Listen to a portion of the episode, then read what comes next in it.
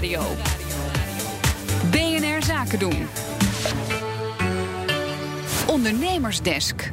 Een bedrijf waarin elke werknemer zichzelf kan zijn, dat floreert. En daarom iedere dinsdag de ondernemersdesk. Inclusiviteit, vandaag employer branding. In de studio uh, Conor Klerks, ja, employer branding voor de leek. Wat is dat precies? Nou, je kunt het uh, het beste vergelijken met de marketing die normale bedrijven doen. Normaal uh, doe je dat naar de consument toe.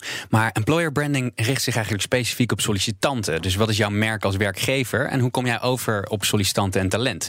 Ik sprak er Petra van Tol over, zij is van Human Collective. En ze legt uit dat je daarin goed moet nadenken over op welke manier je je kandidaat, kandidaten benadert en hoe je vindbaar bent.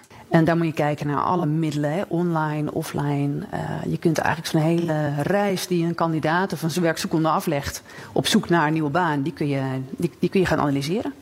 Dus daar horen je eerste uitingen op uh, bij. Daar horen de uitingen bij die je van jezelf in een advertentie in de krant zet.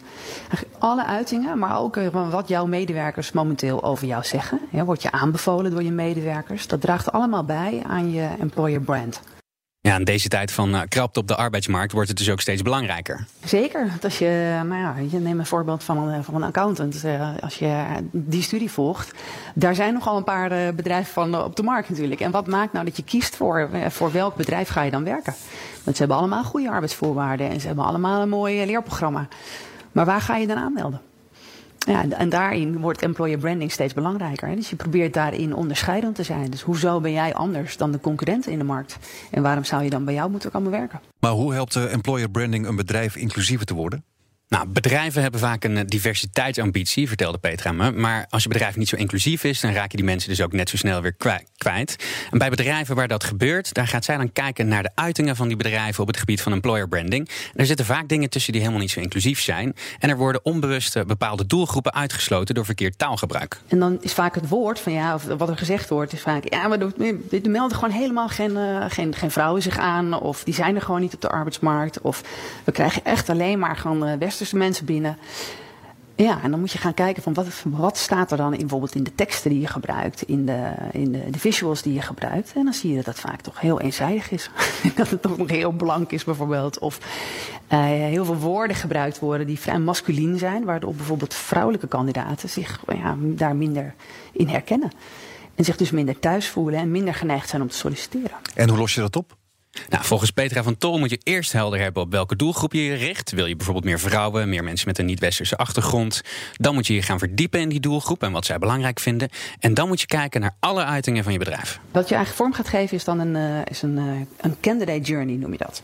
Dus je gaat kijken, al die mensen, die doelgroepen die wij graag binnen willen halen, hoe solliciteren ze? Hoe solliciteren die? Waar kijken ze? Waar oriënteren ze zich? Is dat mond tot mond? Is dat via, via internet? Is dat via vacaturesites? Is dat uh, via social media vooral? En dan ga je daarop inzoomen. En dan ga je kijken, oké, okay, zijn dan alle uitingen die wij doen? Voelen mensen zich daar thuis? Herkennen ze zichzelf daarin? Ja, ik vroeg hem een concreet voorbeeld en ze vertelde me over een klassieke fout bij het werven van vrouwen. Als je een vacaturetekst opstelt met daarin een enorme lange lijst met must-haves, echt requirements, dit moet je hebben voordat je hier komt solliciteren. Dan zullen vrouwen veel kritischer kijken naar zo'n lijst en denken, even denken hoor, ik kan zeg maar van deze 15 dingen die daar staan, beheers ik er 11, maar vier ook niet. Ja, misschien moet ik het toch maar niet doen. Terwijl een gemiddelde man daar wat vertrouwender, vertrouwender in is. En denkt, ah ja, weet je, maar ik beheers er toch 11 van de 15, dus ik ga solliciteren. Hm. Dus dan is een tip om te kijken naar zo'n lijst en te denken, oké, okay, wat zijn van deze 15 dingen die we nu opschrijven, welke zijn nou echt cruciaal? En welke kunnen we eigenlijk ook nice to haves noemen? En als je die lijst korter maakt, ga je dus waarschijnlijk meer vrouwelijke kandidaten krijgen. Petra van Tol van Human Collective. Conor, dankjewel. Ondernemersdesk Inclusiviteit wordt mede mogelijk gemaakt door Verderkijkers. Een initiatief van het ministerie van Sociale Zaken en Werkgelegenheid.